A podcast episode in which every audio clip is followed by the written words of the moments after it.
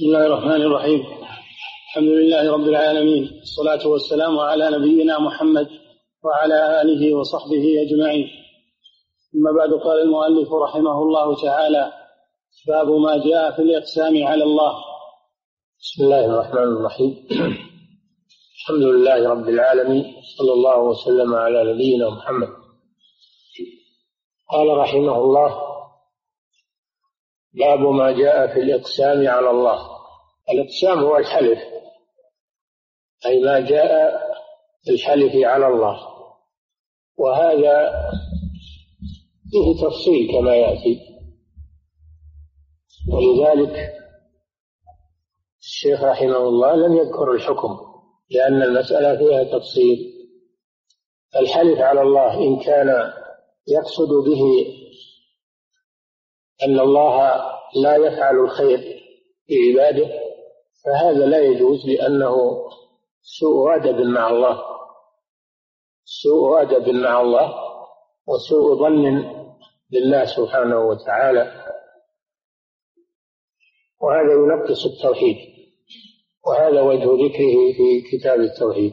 أما إن كان الإقسام على الله بمعنى أن الله سبحانه وتعالى يفعل الخير بعباده يحلف على الله أن يفعل الخير بعباده. فهذا ليس بمذموم. هذا ليس بمذموم لأنه حسن ظن بالله عز وجل. وقد قال صلى الله عليه وسلم إن من عباد الله من لو أقسم على الله لأبره فإذا حلف على الله أن لا يفعل الله الخير هذا حرام. وهو منقص للتوحيد لأنه سوء أدب مع الله وسوء ظن بالله. أما إذا حلف على الله أن يفعل الخير بعباده فهذا حسن ظن بالله وهو وارد وجائز كما يأتي. نعم. باب ما جاء في الإقسام على الله. عن جندب بن عبد الله رضي الله عنه قال قال جندب بن عبد الله جندب بفتح الدال ويجوز الضم جندب بن عبد الله البجلي الصحابي الجليل نعم. قال قال رسول الله صلى الله عليه وسلم قال رجل والله لا يغفر الله لفلان. فقال الله عز وجل من ذا الذي يتألى علي ألا أغفر لفلان؟ إني قد غفرت له وأحبطت عملك. رواه مسلم. نعم.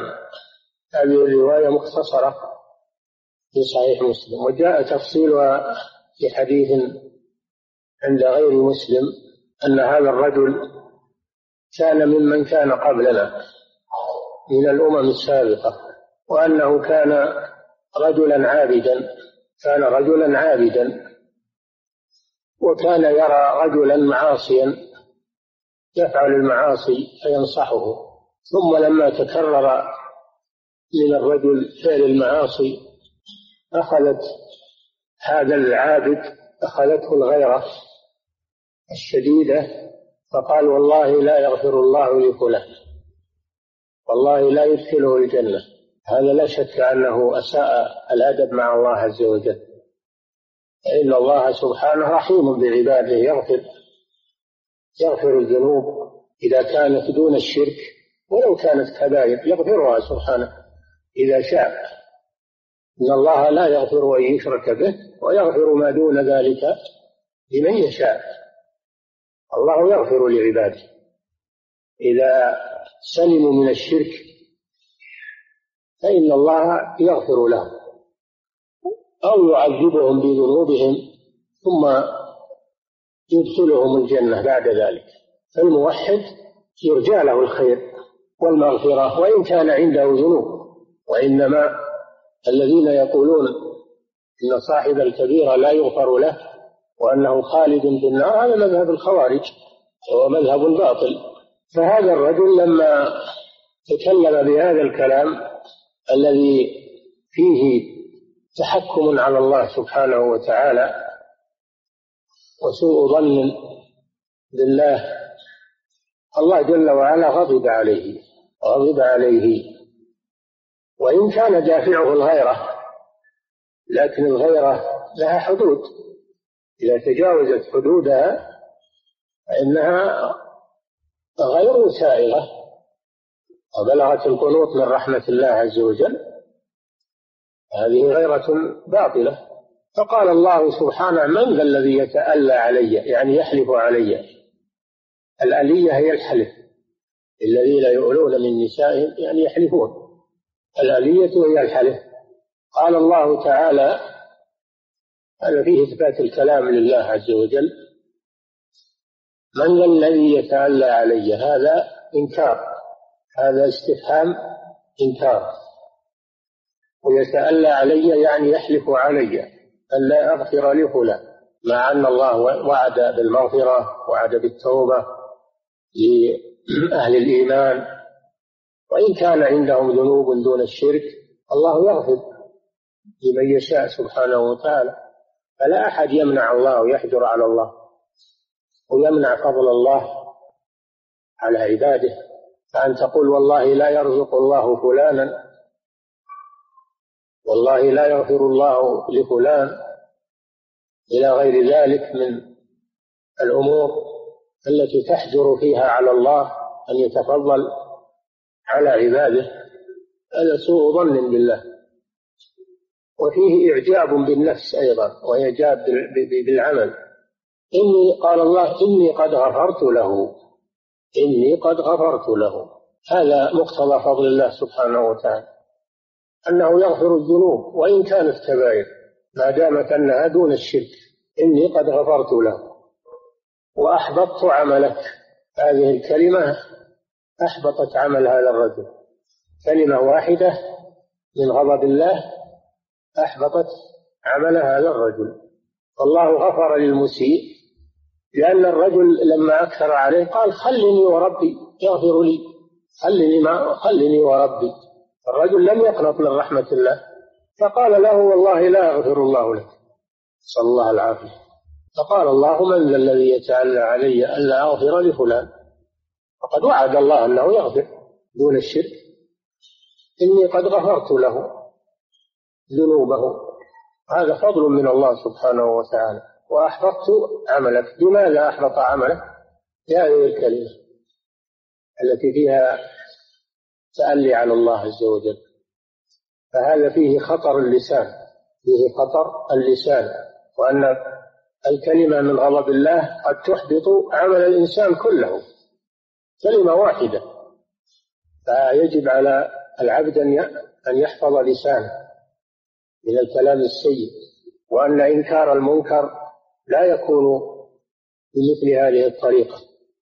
تقنيط الناس من رحمة الله وتعنيفهم بل يكون بالتخويف ويكون أيضا بالترغيب. يكون بالترغيب والترغيب. لا يكون بالترهيب فقط ولا يكون بالترغيب فقط وإنما يكون بالجمع بين الأمرين الترغيب والترهيب. هذا هو طريق الدعوة إلى الله وإنكار المنكر؟ بالترغيب والترهيب. فلا تقنط العاصي من رحمة الله ولا تؤمنه من عذاب الله ومن مكر الله. بل ترغبه وترهبه. هذه الطريقة المستقيمة.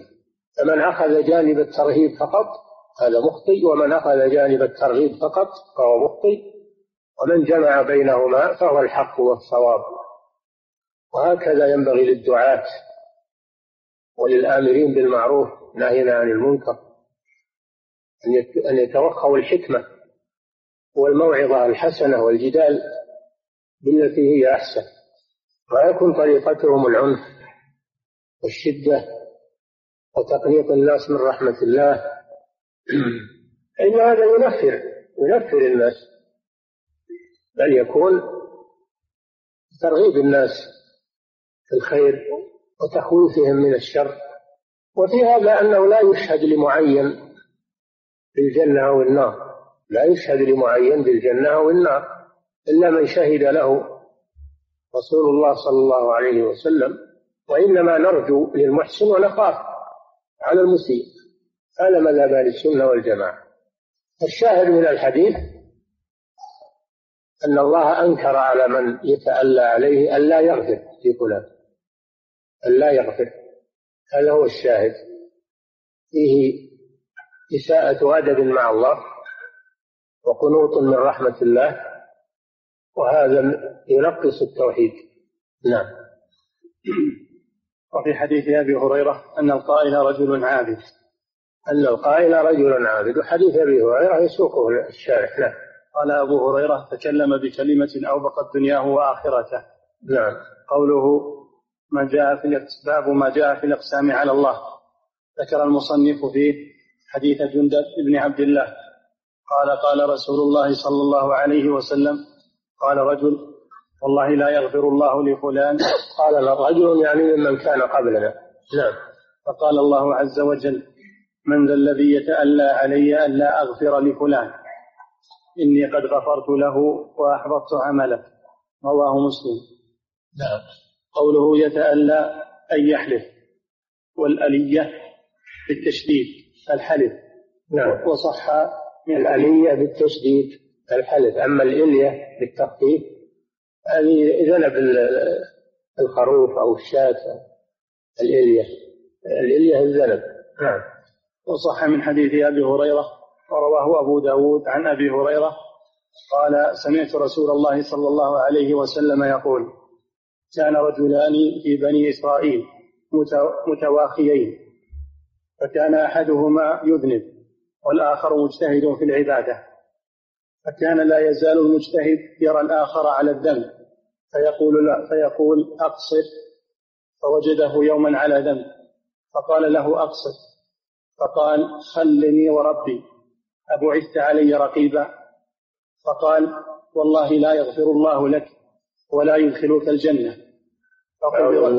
أعوذ بالله. لما قال الرجل خلني وربي يعني الرجل المذنب لم يقنط من رحمة الله وأن الله يغفر له ذنوبه. فأخذت هذا الغيرة وقال والله لا يغفر الله لك ولا يدخلك الجنة. نسأل الله العافية. نعم. فقبضت أرواحهما فاجتمعا عند رب العالمين. نعم. فقال لهذا المجتهد أكنت بي عالما أو على ما في يدي قادرا؟ فقال للمذنب اذهب فادخل الجنة برحمتي. وهذا فيه وهذا فيه أن الأعمال بالخواتيم. فهذا الرجل ختم له بشر فدخل النار. هذه الكلمة التي فيها الجرأة على الله مات عليها فدخل النار. والرجل المذنب مات على الرجاء لرحمة الله وحسن الظن بالله فغفر الله له. نعم. وقال للمذنب اذهب فادخل الجنة برحمتي وقال للآخر اذهبوا به إلى النار. قوله في حديث أبي هريرة أن القائل رجل عابد يشير إلى قوله في هذا الحديث إن إحدى إن أحدهما مجتهد في العبادة وفيه معنى قوله صلى الله عليه وسلم. الاجتهاد في العبادة طيب الاجتهاد في العبادة طيب لكن لا بد أن يكون مع فقه. الاجتهاد في العبادة بدون فقه يوقع صاحبه في الخلل مثل ما أوقع هذا الرجل. فلا بد أن يكون الاجتهاد في العبادة مع فقه في دين الله عز وجل. حتى لا يزل الإنسان. نعم. وفيه معنى قوله صلى الله عليه وسلم إن الرجل ليتكلم بالكلمة ما يظن أن تبلغ ما بلغت. يكتب الله له بها سخطه إلى يوم يلقاه. الكلمة من سخط الله عز وجل. يكتب الله لصاحبها سخطه إلى يوم يلقاه. وفي حديث آخر يهوي بها في النار أبعد مما بين المشرق والمغرب. وقال لمعاذ هل يكب الناس على وجوههم؟ هل يكب الناس في النار على وجوههم؟ أو قال على مناخرهم إلا حصائد ألسنتهم. الكلام له خطورة. الإنسان الذي لا يحبس لسانه عن الكلام السيء في حق الله أو في حق المخلوقين ربما يهلكه لسانه. نعم. قال رحمه الله فيه مسائل. الأولى التحذير من التألي على الله. عرفنا الشاهد من الترجمة وهو أن الرجل أقسم أن الله لا يغفر لفلان. فأساء الظن بالله عز وجل وأساء الأدب مع الله عز وجل فغضب الله عليه. فهذا فيه دليل على أن الإقسام على الله إن كان في مجال التقنيط من رحمة الله فهو مذموم وإن كان في مجال حسن الظن بالله فهو محمود.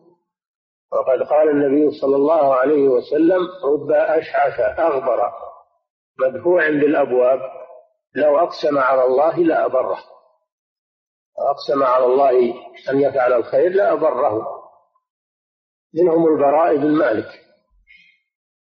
منهم البراء بن مالك. فهو لو البراء لو أقسم على الله لا بره لأنه يحسن الظن بالله عز وجل. نعم. الثانية كون النار أقرب إلى أحد أقرب إلى فيه مسائل. نعم فيه مسائل الأولى التحذير من التألي على الله. نعم.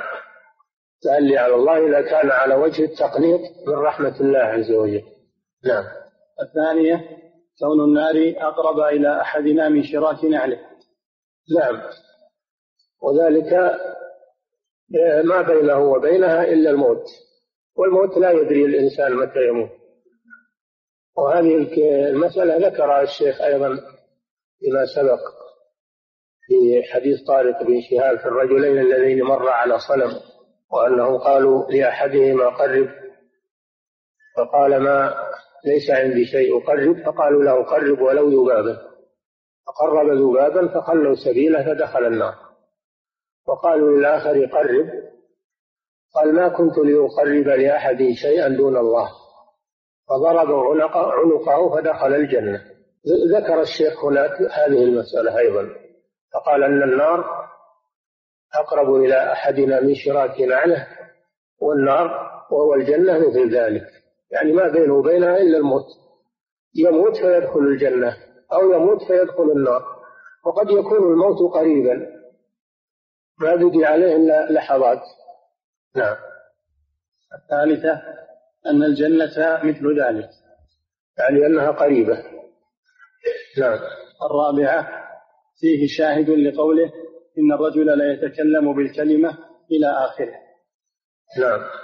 الخامسة أن الرجل قد يغفر له بسبب هو من أكره الأمور إليه. نعم هذا الرجل غفر له بسبب هذه الكلمة التي قالها فيه العابد وهو يكرهها. لا شك أنه لما قال والله لا يغفر الله لك ولا يدخلك الجنة أن العاصي يكره هذا الكلام ولكنه كان سببا في دخوله الجنة ربما والله جل وعلا يقول وعسى أن تكرهوا شيئا وهو خير لكم وعسى أن تحبوا شيئا وهو شر لكم. نعم. باب لا يستشفع بالله على خلقه. وهذا أيضا من منقصات التوحيد. لا يستشفع بالله على أحد من خلقه. والاستشفاع معناه طلب الشفاعة. فلا يجوز أن تطلب من الله أن يشفع لك عند أحد. لا يجوز لك أن تطلب من الله أن يشفع لك عند أحد من الخلق. لماذا؟ لأن الشافع أقل مرتبة من المشفوع عنده. فإذا استشفعت بالله إلى أحد من خلقه فمعناه أنك جعلت المخلوق أعظم من الخالق وهذا تنقص لله سبحانه وتعالى. فلا يجوز أن تقول يا الله أسألك أن تشفع لي عند فلان أن يعطيني كذا وكذا. هذا يجوز بين المخلوقين تقول لمخلوق اشفع لي عند فلان إنه يقضي حاجتي إنه ينهي معاملتي. هذا جائز بين المخلوقين. بل بل هو محمود وفيه أجر إذا كانت الشفاعه حسنة. من يشفع شفاعة حسنة كله نصيب منها. فإذا كانت الشفاعة حسنة فإن الشافع يؤجر وهذا بين المخلوقين بعضهم مع بعض. وكذلك مع الله أن تتخذ شافعا عند الله يدعو لك تقول اشفع لي عند الله للدعاء ادعو الله لي الدعاء شفاعة. إذا طلبت من أحد أن يدعو الله لك فقد استشفعت به إلى الله سبحانه وتعالى. الشفاعة عند المخلوقين جائزة إذا كانت حسنة والشفاعة عند الله جائزة إذا كانت بطلب الدعاء. بطلب الدعاء دعاء الشافع من الله سبحانه وتعالى أن يقضي حاجة فلان أن يغفر له. أن ينزل المطر. هذا جائز. أما العكس وهو أن تجعل الله شافعا عند المخلوق فهذا هو المحرم وهو المذموم وهذا منقص للتوحيد. إذا فالشفاعة ثلاث أقسام الشفاعة بين المخلوقين بعضهم مع بعض وهذه جائزة بشرط أن يكون أن تكون بطلب شيء مباح. طلب شيء مباح. الشفاعة المخلوق عند الخالق بمعنى أنه يدعو الله لأخيه إن الله يغفر له إن الله يشفيه من المرض أن الله يرزقه أو للجميع أن الله يسقيهم الغيث ويرحم العباد. فهذا مشروع جائز. الثالث شفاعة أن يجعل الله شافعا إلى الخلق. هذا هو الحرام وهو المخل بالتوحيد. لأن المشفوع عنده أكبر من الشافع. نعم. باب لا يستشفع بالله على خلق. نعم. عن جبير بن مطعم رضي الله عنه قال جبير بن مطعم الصحابي الجليل. معروف. نعم. قال جاء أعرابي إلى النبي صلى الله عليه وسلم فقال يا رسول الله نهكت الأنفس. نهكت الأنفس يعني ضعفت الأنفس. نعم. وجاء العيان. نعم. وهلكت الأموال. يعني بسبب تأخر المطر. نعم. فاستسقي لنا ربك. هذا لا بأس هذا جيد استسقي لنا ربك هذه شفاعة عند الله بالدعاء يطلب من الرسول أن يدعو أن يدعو الله لهم بالسقيا. وهذا كان يفعله الصحابة. يأتون إلى النبي صلى الله عليه وسلم فيشكون إليه الجدب والقحط وتأخر المطر فيستسقي لهم صلى الله عليه وسلم بمعنى أنه يدعو الله لهم. فيسقون نعم. استسقي لنا ربك فإنا نستشفع بالله عليك. هذا هذا هو الممنوع. نستشفع بالله عليك. هذا هو الممنوع. جعل الله شافعا عند الرسول صلى الله عليه وسلم. الرسول أشرف الخلق صلى الله عليه وسلم. لكن الله أعظم وأعظم. فلا يجوز أن يتخذ المخلوق مهما بلغ من من الفضل لا يجوز أن يتخذ الخالق شفيعا إلى المخلوق. نعم. وبك على الله. وبك على الله هذا جائز نستشفع بك يعني بدعائك. تشفع بك على الله يعني بدعائك. هذا جائز وهذا مثل أول الحديث. تستسقي لنا ربك. نستشفع بك على الله يعني نستسقي بك يعني بدعائك. نعم. فقال النبي صلى الله عليه وسلم سبحان الله سبحان الله. الرسول صلى الله عليه وسلم لا يقر على منكر ابدا. فلما قال نستشفع بالله عليك تغير صلى الله عليه وسلم وسبح الله تنزيها لله عن ما قاله هذا الأعرابي. عما قاله هذا الأعرابي. سبحان الله سبحان الله هذا تنزيه لله عما قاله هذا الأعرابي. نعم لأنه تنقص الله سبحانه وتعالى. نعم. وما زال يسبح حتى عرف ذلك في وجوه أصحابه. نعم تغيرت وجوه الصحابة لما رأوا الرسول صلى الله عليه وسلم تأثر من مقالة هذا الأعرابي. نعم. ثم قال النبي صلى الله عليه وسلم ويحك ويحك هذه كلمة ذم كلمة ذم ويلك ويحك. نعم. أتدري ما الله إن شأن الله أعظم من ذلك؟ أعظم من أنه يتخذ شفيعا عند المخلوق. فهذا دليل على أن من استشفع بالله على المخلوق فقد تنقص الله. نعم. إنه لا يستشفع بالله على على أحد من خلقه. نعم بعد أن أنكر عليه بعد أن أنكر عليه صلى الله عليه وسلم بين له الصواب. وهكذا ينبغي للداعية والمعلم أنه ينكر المنكر ثم يبين للمخطئ خطأه. أتدري ما الله؟ هذا بيان للخطأ. إن هذا الأعرابي ما قدر الله حق قدره فبين له خطأ ثم أرشده إلى الطريقة الصحيحة. نعم. إنه لا يستشفع بالله على أحد من خلقه وذكر الحديث رواه أبو داود. نعم. قوله باب لا يستشفع بالله على خلقه. وذكر الحديث وسياق أبي داود أتم مما ذكره المصنف. نعم. ولفظه عن جبير بن محمد. المصنف رحمه الله دائما يحرص على الاختصار. فإذا جاء الحديث مختصرا وصحيحا أخذ به. نعم. واستغنى به عن المطول. نعم. ولفظه عن جبير بن محمد بن جبير بن مطعم عن أبيه عن جده. مطعم بن عدي. نعم. القرشي. نعم. قال أتى النبي صلى الله عليه وسلم أعرابي. فقال يا رسول الله جهدت الأنفس وضاعت العيال ونهكت الأموال وهلكت الأنعام فاستسق الله لنا. هذا كله لا بأس به. نعم. فإنا نستشفع بك على الله. هذا لا بأس به أيضا. نستشفع بك على الله يعني نطلب منك أن تدعو الله تستسقي لنا. هذه شفاعة عند الله سبحانه وتعالى. الشفاعة معناها الدعاء. نعم. ونستشفع بالله عليك. هذا هو المحذور. وهذا هو الذي أغضب النبي صلى الله عليه وسلم. نعم. فقال النبي صلى الله عليه وسلم ويحك أتدري ما تقول؟ وسبح رسول الله صلى الله عليه وسلم. نعم. فما زال يسبح حتى عرف ذلك في وجوه أصحابه. ثم قال ويحك إنه لا يستشفع بالله على أحد من خلقه. نعم. بين له لما أنكر عليه وعظم ربه سبحانه بين له الصواب نعم. شأن الله أعظم من ذلك أعظم من أنه يتخذ شفيعا عند خلقه. بل العكس هو الصحيح أن يتخذ الخلق شفعاء عند الله بمعنى يطلب منهم الدعاء. نعم. ويحك أتدري ما الله؟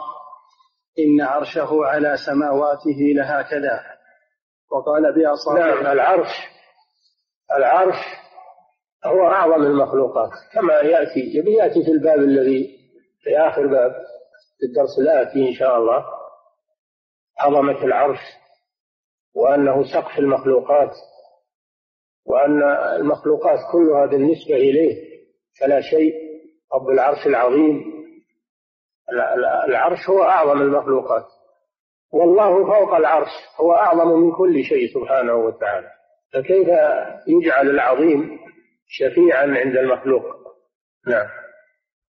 نعم. إن عرشه على سماواته لهكذا. على سماواته. سعة السماوات والأرض العرش أوسع منها. الكرسي أوسع من العرش آه، من الخلق كله. الكرسي أعظم من السماوات والأرض. وسع كرسيه السماوات والأرض. والعرش أعظم من الكرسي. العرش أعظم من الكرسي. والله أعظم من كل شيء. سبحانه وتعالى. نعم. إن عرشه على سماواته لهكذا. وقال بأصابعه مثل القبة. نعم لأن العرش محيط بالمخلوقات. نعم. وقال بأصابعه مثل القبة عليه. نعم. وإنه ليئط به أطيط الرحل بالراكب. مع أن العرش أعظم المخلوقات فالله أعظم من العرش. ولهذا للعرش أطيط يعني صوت من من الثقل والتحمل من عظمة الله سبحانه وتعالى. نعم. قال ابن بشار في حديثه إن الله فوق عرشه. قال؟ قال ابن بشار. ابن بشار نعم. محمد بن بشار اللي هو غندر نعم. نعم. في حديثه إن الله فوق عرشه وعرشه فوق سماواته قوله ويحك كلمة تقال للزجر. ويحك كلمة زجر. نعم. قوله أتدري ما الله؟ فيه إشارة إلى قلة علمه بعظمة الله وجلاله. نعم ما حمل الأعرابي على هذا. هذا فيه فيه خطر الجهل على الإنسان. كون من تعلم العقيدة ولا يدرس العقيدة يقع في مثل ما وقع في هذا الأعرابي. ففيه الحث على تعلم العقيدة معرفة العقيدة حتى لا يقع الخطأ فيها. العقيدة يزهد كثير من الناس اليوم دراسة العقيدة ويقولون الناس مسلمون. شلون يدرسون هم العقيدة وهم مسلمون. المسلمون يجهلون. هذا أعرابي مسلم. هذا الأعرابي مسلم. ومع هذا وقع في هذا الخطأ العظيم الذي أنكره عليه الرسول صلى الله عليه وسلم. فما كل مسلم يعرف العقيدة. لابد من دراستها. نعم. قوله إنه لا يستشفع بالله على أحد من خلقه لأن الأمر كله بيده تعالى ليس في يد المخلوق منه شيء. لا مانع لما أعطى ولا معطي لما منع تعالى وتقدس. نعم. وفي هذا الحديث الرد على الجهمية. الرد على الجهمية الذين ينفون العلو. فيه الرد على الجهمية ومن قال بقولهم من المعتزلة والأشاعرة وسائر الفرق المنحرفة التي تنفي علو الله على خلقه. هذا الحديث فيه إثبات علو الله على خلقه. فيه أن العرش فوق المخلوقات وأن الله فوق العرش. ففيه إثبات علو الله على خلقه ردا على الجهمية الذين يقولون إنه في كل مكان. تعالى الله عما يقولون. نعم. وفي هذا الحديث الرد على الجهمية وإثبات العلو. نعم. وهذا الحديث رواه أبو داود ورضيه على عادته فيما كان عنده صحيحا أو حسنا وسكت عليه. ما سكت عليه أبو داود رحمه الله فهو يرتضيه فهو يرتضيه لأن من عادته أنه يعقد على الحديث إذا رواه وفيه شيء من الضعف يبين هذا. فإذا سكت هذا دليل على أنه رضيه. نعم. وأما الاستشفاع بالرسول صلى الله عليه وسلم في حياته فإنما هو بدعائه صلى الله عليه وسلم. الاستشفاع ولذلك لم ينكر الرسول صلى الله عليه وسلم على الرجل قوله استشفع بك على الله ما أنكر هذا. لأن هذا في حياته صلى الله عليه وسلم وهو قادر عليه الصلاة والسلام أن يدعو الله وأن يستسقي للناس. فلما مات ما كان الصحابة يستشفعون بالرسول ولا يطلبون منه الدعاء وهو ميت وإنما كانوا يدعون الله هم ويستسقون هم كما كان النبي صلى الله عليه وسلم يفعل. ويطلبون من أهل الفضل أن أن يدعو الله بالسقيا كما طلب عمر رضي الله عنه من العباس عم الرسول صلى الله عليه وسلم أن يدعو الله. نعم. وأما الاستشفاع بالرسول صلى الله عليه وسلم في حياته في حياته. أما بعد موته لا. نعم. فإنما هو بدعائه صلى الله عليه وسلم ودعاؤه مستجاب. نعم. كذلك يوم القيامة الأمم تستشفع بالرسول صلى الله عليه وسلم في فصل القضاء لأنه حي. في يوم القيامة لأنه حي حاضر يطلبون منه الدعاء. نعم. وأما بعد وفاته فلا يجوز الاستشفاع به كما تقدم تقريره في باب الشفاعة وما قبله. نعم. والله سبحانه وتعالى نهى عن اتخاذ الشفعاء في مواضع كثيرة من القرآن. هذه الشفعاء إن كان المقصود بهم الدعاء طلب الدعاء منهم وهم يقدرون على الدعاء هذا لا بأس. أما اتخاذ الشفعاء من الأموات هذا لا يجوز. وإذا صاحب هذا عبادة للأموات ذبح لهم أو نذر لهم أو استغاثة بهم فهذا شرك أكبر. هذا استشفاع معه شرك أكبر. نعم. والله سبحانه وتعالى نهى عن اتخاذ الشفعاء في مواضع كثيرة من القرآن ونفاها في حق من سألها من غير الله سبحانه. نعم. فالله آه، نفى الشفاعة إلا بإذنه سبحانه وتعالى. ومن اتخذ الشفعاء على نحو ما يفعله المشركون والقبوريون من أنهم يذبحون للأموات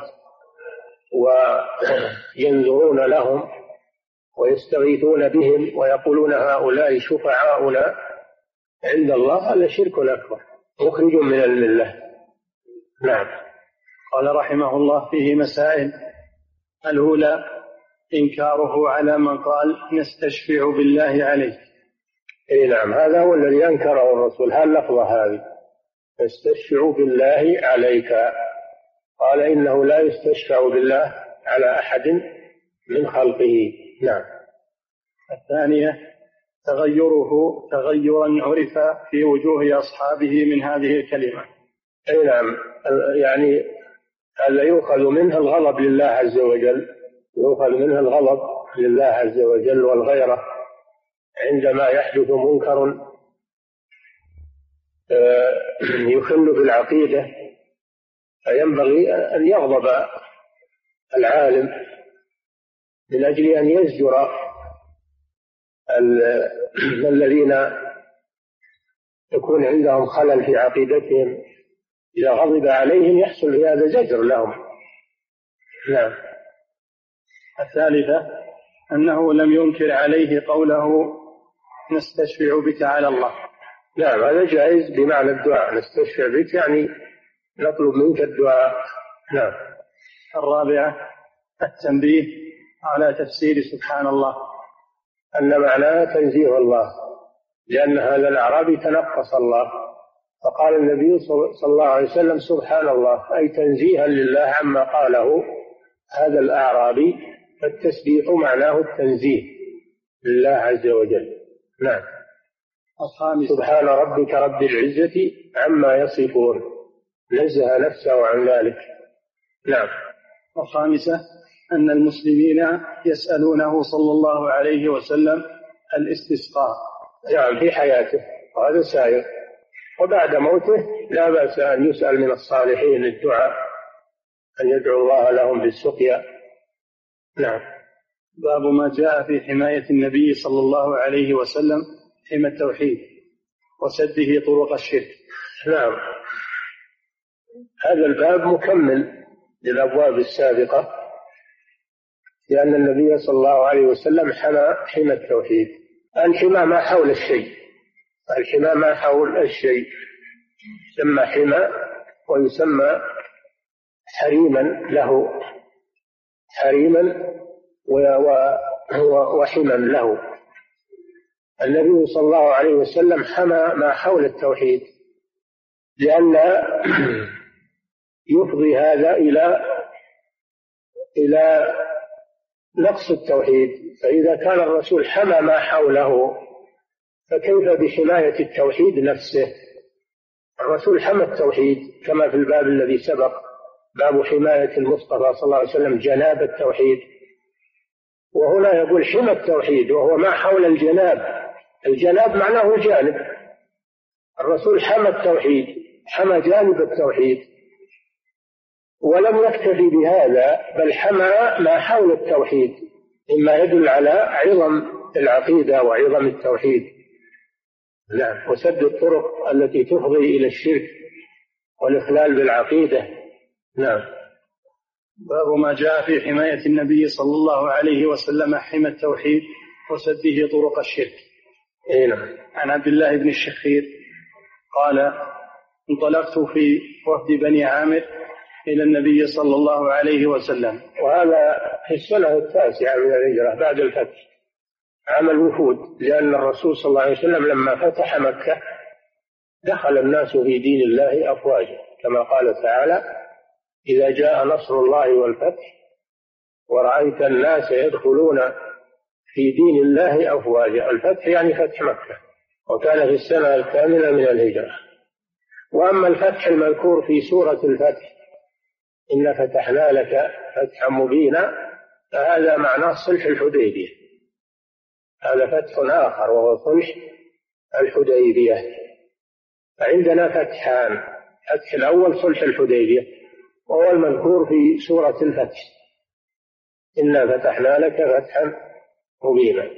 والفتح الثاني وهو الأعظم الفتح الأعظم وهو فتح مكة. وهو المذكور في سورة النصر. إذا جاء نصر الله والفتح ورأيت الناس يدخلون في دين الله أفواجا. لما فتح النبي صلى الله عليه وسلم مكة وأسلمت قريش لأن الناس ينظرون إلى قريش لأنها رأس العرب. فلما فتح الرسول صلى الله عليه وسلم مكة ودخلت قريش تحت حكم رسول الله صلى الله عليه وسلم وأسلموا الناس تبع لهم أسلموا وجاءوا يفيدون على الرسول صلى الله عليه وسلم. في هذا العام عام الوفود وكان عبد الله بن عامر بن الشخير كان من وفد مع وفد قومه مع وفد قومه من بني عامر الذين وفدوا على الرسول صلى الله عليه وسلم لأجل إعلان إسلامهم. نعم. انطلقت في وفد بني عامر إلى النبي صلى الله عليه وسلم فقلنا أنت سيدنا. فقال السيد الله تبارك وتعالى. نعم قالوا للرسول صلى الله عليه وسلم على عادة العرب من المدح. إذا واجهوا الرؤساء والأكابر صاروا يمدحونهم وظنوا أن الرسول صلى الله عليه وسلم مثل مثل رؤساء العرب أنه يقبل المدح ويقبل الرسول. لا ما يقبل المدح. يخاف على الناس من الغلو يخاف على الناس من الغلو. فلا يجوز الغلو في المدح. حتى الرسول صلى الله عليه وسلم لا يجوز الغلو في مدحه. قال صلى الله عليه وسلم لا تطروني كما أطرت النصارى ابن مريم لا تطروني يعني لا تغلوا في مدحي كما أطرت النصارى ابن مريم حتى قالوا هو ابن الله. أو ثالث ثلاثة تعالى الله عما يقولون. قال السيد الله. منعهم من إطلاق هذه اللفظة حماية للتوحيد لئلا يغلو في الرسول صلى الله عليه وسلم. وإن كان لفظ السيد جائزا لكن لما خاف عليهم الغلو منعهم من ذلك. فالشيء وإن كان مباحا في أصله إذا كان يفضي إلى محذور فإنه يمنع. الرسول منع من هذه اللفظة وإن كانت جائزة لئلا تفضي إلى الغلو في الرسول صلى الله عليه وسلم. كما أنه في حديث آه الذي مر بنا أنه كان في عهد النبي صلى الله عليه وسلم منافق يؤذي المؤمنين فقالوا قوموا بنا نستغيث برسول الله. صلى الله عليه وسلم من هذا المنافق. قال إنه لا يستغاث بي وإنما يستغاث بالله. فهذا من باب سد الطرق. وإلا فالاستغاثة بالرسول فيما يقدر عليه جائزة. فاستغاثه الذي من شيعته على الذي من عدو. فالاستغاثة بالمخلوق فيما يقدر عليه جائزة. استغاثتهم بالرسول من المنافق هذه جائزة في الأصل. لكن لما خاف عليهم من الغلو نهاهم عن ذلك وقال إنه لا يستغاث به. وهنا قال السيد الله منعهم من هذه اللفظة سدا للغلو. وين اللي يقولون يا أكرم الخلق ما لمن ألوذ به سواك عند حلول الحادث العممي؟ إن لم تكن في معادي آخذا بيدي فضلا وإلا قل يا زلة القدم فإن من جودك الدنيا وضرتها ومن علومك علم اللوح والقلم. هذا هو الغلو والعياذ بالله. بل هذا هو الشرك الأكبر. فهذا الذي خافه الرسول صلى الله عليه وسلم على أمته. الغلو في مدحه عليه الصلاة والسلام. لأنه مظنة أن الناس يغلون فيه فيه صلى الله عليه وسلم. لعظم مقامه عليه الصلاة والسلام. وإذا كان هذا في حق الرسول ففي حقه ففي حق غيره إلا بأولى. لا يجوز الغلو في الشخص والإسراف في المدح. نعم. قلنا وأفضلنا فضلا وأعظمنا طولا فقال قولوا بقولكم أو بعض قولكم. قولوا بقولكم المعتاد الذي ليس فيه مدح. فكان يقال يا رسول الله يا نبي الله. ولا يقال يا سيدنا. ولا يقال يا أفضلنا. وإنما كانوا يقولون يا نبي الله. يا رسول الله يا أبا القاسم هكذا كانوا يخاطبون الرسول صلى الله عليه وسلم بما لا غلو فيه. نعم. قولوا بقولكم أو بعض قولكم. أو بعض قولكم. أيضا لا حتى قولكم لو تركتم منه شيء كان أحسن. هذا منه صلى الله عليه وسلم تعليم للأمة لأنها لا تغلو في حقه صلى الله عليه وسلم. نعم. ولا يستجرينكم الشيطان. ولا يستجرينكم الشيطان. الجري معناه الرسول. يعني لا تكونوا رسلا للشيطان. لا تكونوا رسلا للشيطان يستعملكم فيما يسقط الله عز وجل من الغلو. نعم. رواه أبو داود بسند جيد. نعم. وعن أنس رضي الله عنه أن ناسا قالوا يا رسول الله يا خيرنا وابن خيرنا وسيدنا وابن سيدنا. فقال يا أيها الناس قولوا بقولكم ولا يستهوينكم الشيطان. قولوا بقولكم المعتاد. ولا تقولوا يا سيدنا يا خيرنا يا أفضلنا. بل قولوا يا رسول الله يا نبي الله يا أبا القاسم. هذا الذي كان يخاطب به النبي صلى الله عليه وسلم. نعم. ولا يستهوينكم الشيطان. أنا نعم. محمد. ولا يستهوينكم الشيطان. يعني لا يوقعكم في الهوى. لا يوقعكم في الهوى الذي يهلك الإنسان. نعم. أنا محمد عبد الله ورسوله. أنا محمد. سموني باسمي. عبد الله ورسوله. فهو عبد ورسول. هذه صفاته صلى الله عليه وسلم. عبد لله وليس له من الملك شيء وليس له من الألوهية شيء وإنما هو عبد عليه الصلاة والسلام. وقد وصفه الله بالعبودية. وإن كنتم في ريب مما نزلنا على عبدنا. تبارك الذي نزل الفرقان على عبده. سبحان الذي أسرى بعبده. ليلا من المسجد الحرام إلى المسجد الأقصى. سماه عبدا وسماه رسولا. قد جاءكم قد جاءكم رسولنا يبين لكم على فترة من الرسل. رسولنا. سماه رسولا. وقال سبحانه وتعالى وإنك لمن المرسلين. تلك آيات الله نتلوها عليك بالحق وإنك لمن المرسلين. ياسين والقرآن الحكيم إنك لمن المرسلين. الله سماه عبدا وسماه رسولا. فادعوا الرسول بهذه بما سماه الله به عبد الله ورسوله. محمد عبد الله ورسوله. ولا تقولوا سيدنا. نعم. ما أحب أن ترفعوني فوق منزلتي التي أنزلني الله عز وجل. أنزله الله أنه عبده وأنه رسوله وهذا أشرف المقامات. أما أنه يدبر مع الله أو أنه يستغاث به بعد موته أو يطلب منه الحاجات أو أنه يعلم الغيب كما يظنه المخرفون هذا كله من الباطل ومن عمل الشيطان. فلا يجوز الغلو في الرسول صلى الله عليه وسلم ولا دعاؤه من دون الله وإنما الواجب محبته وطاعته واتباعه. هذا هو الواجب.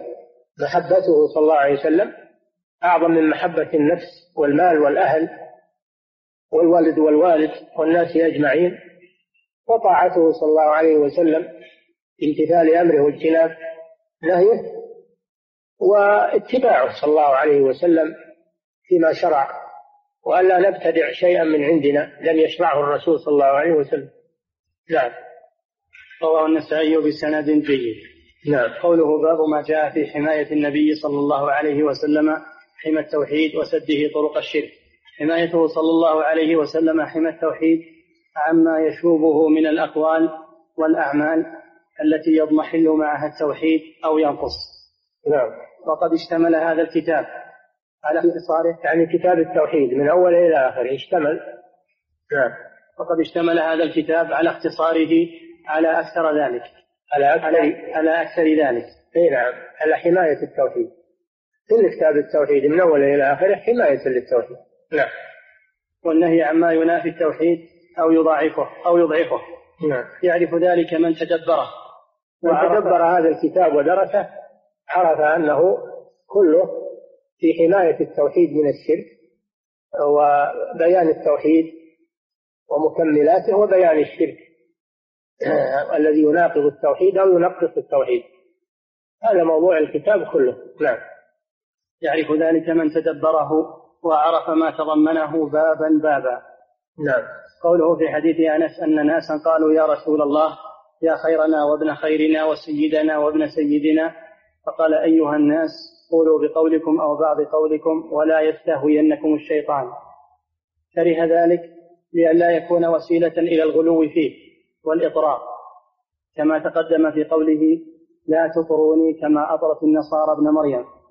إنما أنا عبد فقولوا عبد الله ورسوله. فهو صلى الله عليه وسلم لا يقبل المدح في وجهه عليه الصلاة والسلام. ما يقبل المدح في وجهه. خشية من الغلو. وكذلك نهى عن المداحين. نهى الناس إنهم يقبلون المداحين. وقال إذا رأيتم المداحين فاحثوا في وجوههم التراب. لا تخلونهم يمدحونكم. لأن هذا يبعث على تعاظم الممدوح وإعجابه بنفسه. فلا يجوز المدح في الوجه. المدح في الوجه يكره لأنه يحمل على الكذب والتملق. وأيضا يبعث في في في الممدوح الإعجاب بنفسه. ويرى أن أن له مكانة فوق الناس. فالمدح في الوجه لا يأتي بخير. لا يأتي بخير. نعم. كما تقدم في قوله لا تطروني كما أطرت النصارى ابن مريم إنما أنا عبد فقولوا عبد الله ورسوله. نعم. وهذا من كمال نصحه للأمة وشفقته عليهم. حذرهم مما يكون ذريعة إلى الغلو فيه. وقوله أنا محمد عبد الله ورسوله. فأعلى مراتب, فأعلى مراتب العبد هاتان الصفتان العبودية الخاصة والرسالة.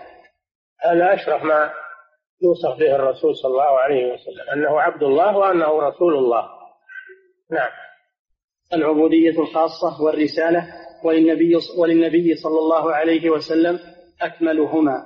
نعم. وقد أخبر تعالى أنه وملائكته يصلون عليه وأمر أمته أن يصلوا عليه صلى الله عليه وسلم وأثنى عليه بأحسن بأحسن ثناء وأبلغه وأبلغه. نعم. وشرح له صدره ووضع عنه وزره ورفع له ذكره. فلا يذكر في الأذان والتشهد والخطب إلا ذكر معه صلوات الله وسلامه عليه. نعم. قرن اسمه مع اسمه سبحانه وتعالى. فلا يذكر الله إلا ويذكر الرسول صلى الله عليه وسلم. في الأذان في الخطب وفي التشهد الأخير من الصلاة.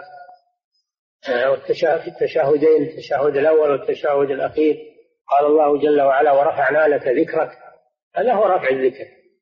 نعم. وهذا يكفي في حقه صلى الله عليه وسلم. نعم.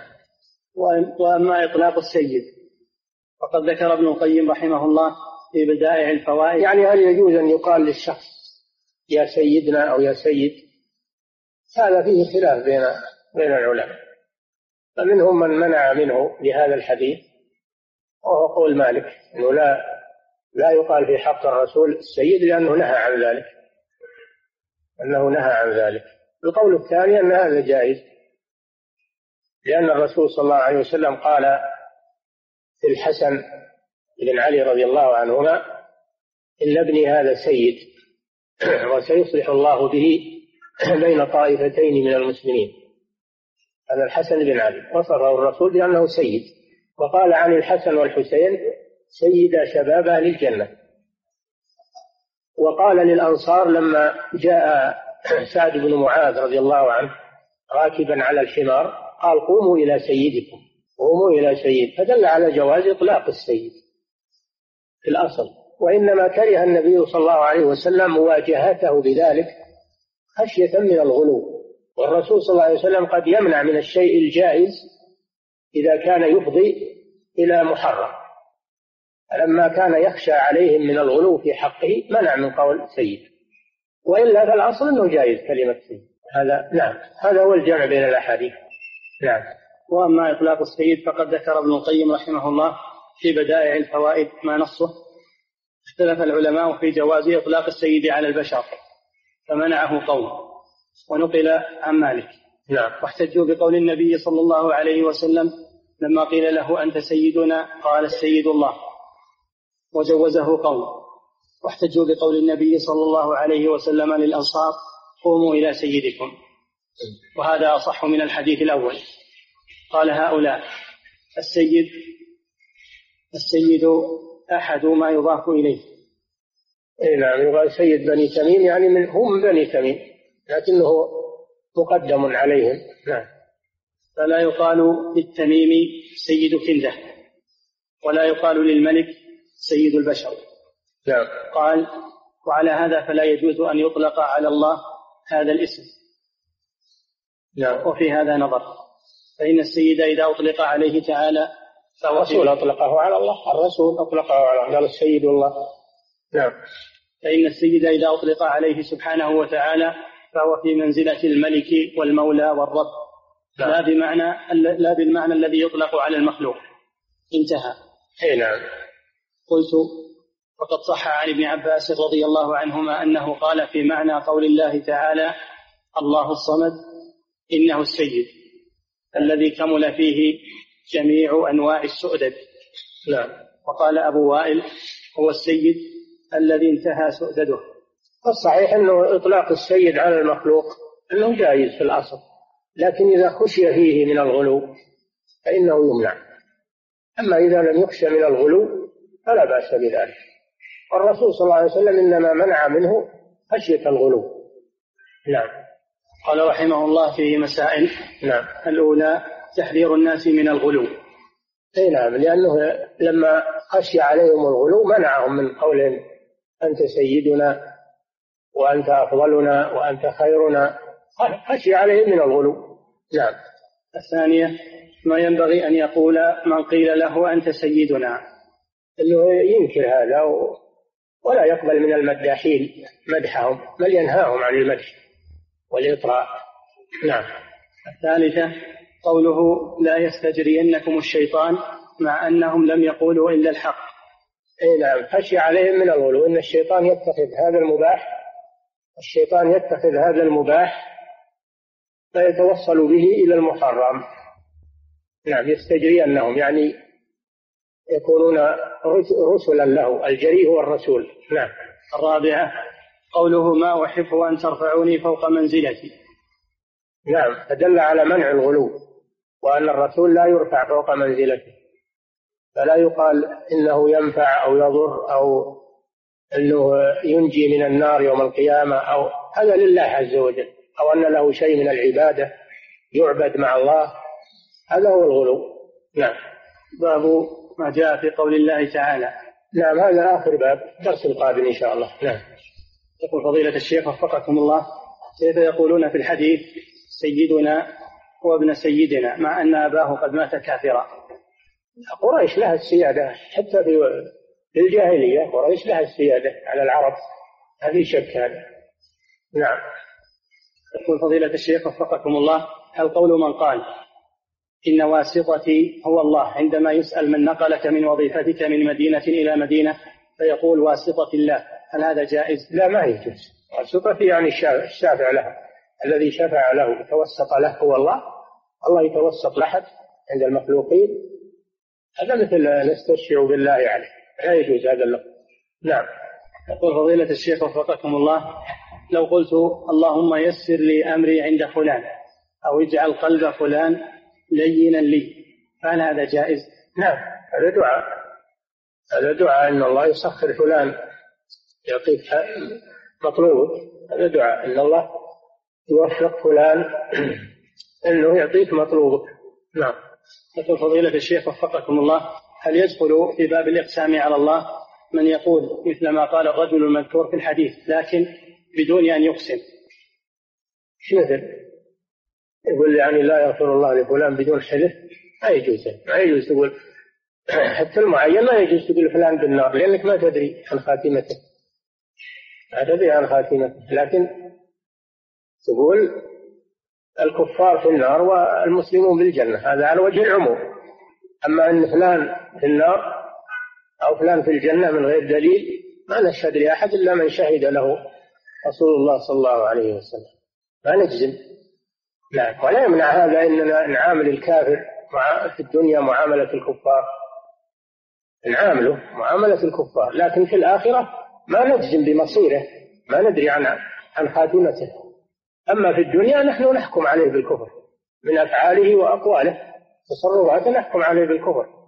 لكن مآله في الآخرة هذا نكله إلى الله سبحانه وتعالى لأننا لا ندري ما الخواتيم. نعم. إن أحدكم ليعمل بعمل أهل الجنة كما يكون بينه وبينها إلا ذراع فيسبق عليه الكتاب فيعمل بعمل أهل النار يدخلها وإن أحدكم ليعمل بعمل أهل النار حتى ما يكون بينه وبينها إلا ذراع فيسبق عليه الكتاب فيعمل بعمل أهل الجنة فيدخلها فعواقب الأمور بيد الله عز وجل. نعم. يقول فضيلة الشيخ وفقكم الله وإذا كان ذلك في أمور في أمور الدنيا كمن يقول لن تشفى من هذا المرض أو لن ترزق ولدا أو لن تربح في هذه التجارة؟ لا يجوز هذا. هل اطلعت على الغيب؟ أول شيء هذا من من علم الغيب. وثانيا إن هذا فيه تقنيط من رحمة الله. الله جل وعلا يقول لا تقنطوا من رحمة الله. لا يجوز. ومن يقنط من رحمة ربه إلا الضالون. نعم. يقول فضيلة الشيخ وفقكم الله المتألي على الله. هل تقبل توبته؟ تقبل توبته. إذا تاب تاب الله عليه. نعم. يقول فضيلة الشيخ وفقكم الله إذا كان عندي مريض فقلت أقسم عليك يا الله أن تشفي فلانا. فهل قولي صحيح؟ هذا جائز لأنك تقسم على الله في, في أن يتفضل على فلان بالشفاء أن يتفضل عليه بالشفاء. هذا هذا حسب مقامك عند الله. إن كان لك من أولياء الله الله يقبل منك. نعم. يقول فضيلة الشيخ وفقكم الله. هو في الأصل جائز. الإقسام على الله بفعل الخير وفعل الفضل والإحسان هذا جائز. لكن قد يقبل من الشخص وقد لا يقبل. نعم. يقول فضيلة الشيخ وفقكم الله هل يجوز لأي أحد من الصالحين أن يقسم على الله بفعل خير لعباده أم أن ذلك مخصوص بأحد معين؟ لا فالأصل جائز هذا. جائز وهو من حسن الظن بالله عز وجل. نعم. يقول فضيلة الشيخ وفقكم الله هل يجوز عند الدعاء أن يقسم العبد على الله من باب التأكيد في طلب المسألة من الله؟ فيقول عزمت عليك يا رب عزمت عليك يا رب إلا رزقتني ولدا. كل ما كان من باب حسن الظن بالله عز وجل فهو جائز. وكونه يقبل أو لا يقبل هذا عند الله سبحانه وتعالى. لكن كل ما كان من باب حسن الظن بالله وطلب الفضل منه فهو جائز. وكل ما كان من باب سوء الظن بالله فهو محرم. نعم. يقول فضيلة الشيخ وفقكم الله هل يعذر الشخص إذا قال كلمة من سخط الله وهو لا يقصد. هذا يعلم إذا كان قالها عن جهل يبين له يبين له ويعذر بالجهل. أما إذا قالها وهو يعلم فهذا لا ي... هذا لابد من التوبة لا يعذر بالجهل لأنه يعني يعلم. نعم. هذا في الأمور الخفية؟ أما الأمور الظاهرة مثل مسألة الشرك والتوحيد ووجوب الصلاة والزكاة والصيام والحج وتحريم الربا هذه أمور ظاهرة. هذه أمور ظاهرة. معلومة من الدين بالضرورة. لكن الأمور الخفية يعذر الإنسان فيها بالجهل إذا كان مثله يجهل. نعم. يقول فضيلة الشيخ وفقكم الله هل يمدح الرجل من باب التحفيز من باب تحفيزه على عمل الخير والاستمرار فيه؟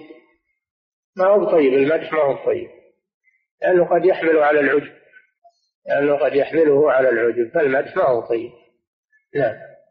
يقول فضيلة الشيخ وفقكم الله هل الرجلين هل الرجلين المذنب والمجتهد في العبادة سيحصل بهما سيحصل لهما هذا في يوم القيامة أن أم أنهما قد بعثا وحصل لهم ذلك؟ كيف؟ يقول هل الرجلين المذنب والمجتهد في العبادة اللذين ورد أمرهما في الحديث؟ سيحصل لهما هذا في يوم القيامة؟ لا بد الرسول أخبر بهذا وهو لا ينطق عن الهوى. فمن شهد له الرسول صلى الله عليه وسلم بالجنة أو النار نشهد له بذلك. نعم. يقول فضيلة الشيخ وفقكم الله هل هناك تعارض بين إدخال الله سبحانه وتعالى لذلك العابد في النار وبين أن الله سبحانه يدخل الجنة؟ كل من كل من كان في قلبه مثقال حبة من إيمان من خردل. أول شيء هذا من باب الوعيد. هذا من باب الوعيد يمر كما جاء. ثانيا ما الذي يدرينا أن هذا الرجل ارتد بهذه الكلمة؟ هذه قد تكون هذه ردة مات عليها ودخل النار. نعم. يقول فضيلة الشيخ وفقكم الله إذا قال الشخص إن الله لا يغفر لك إلا أن يشاء فما حكم هذا القول؟ شو الداعي لهذا؟ الداعي لهذا؟ إن الله لا يغفر لك إلا أن يشاء. فتقول هذا الكلام.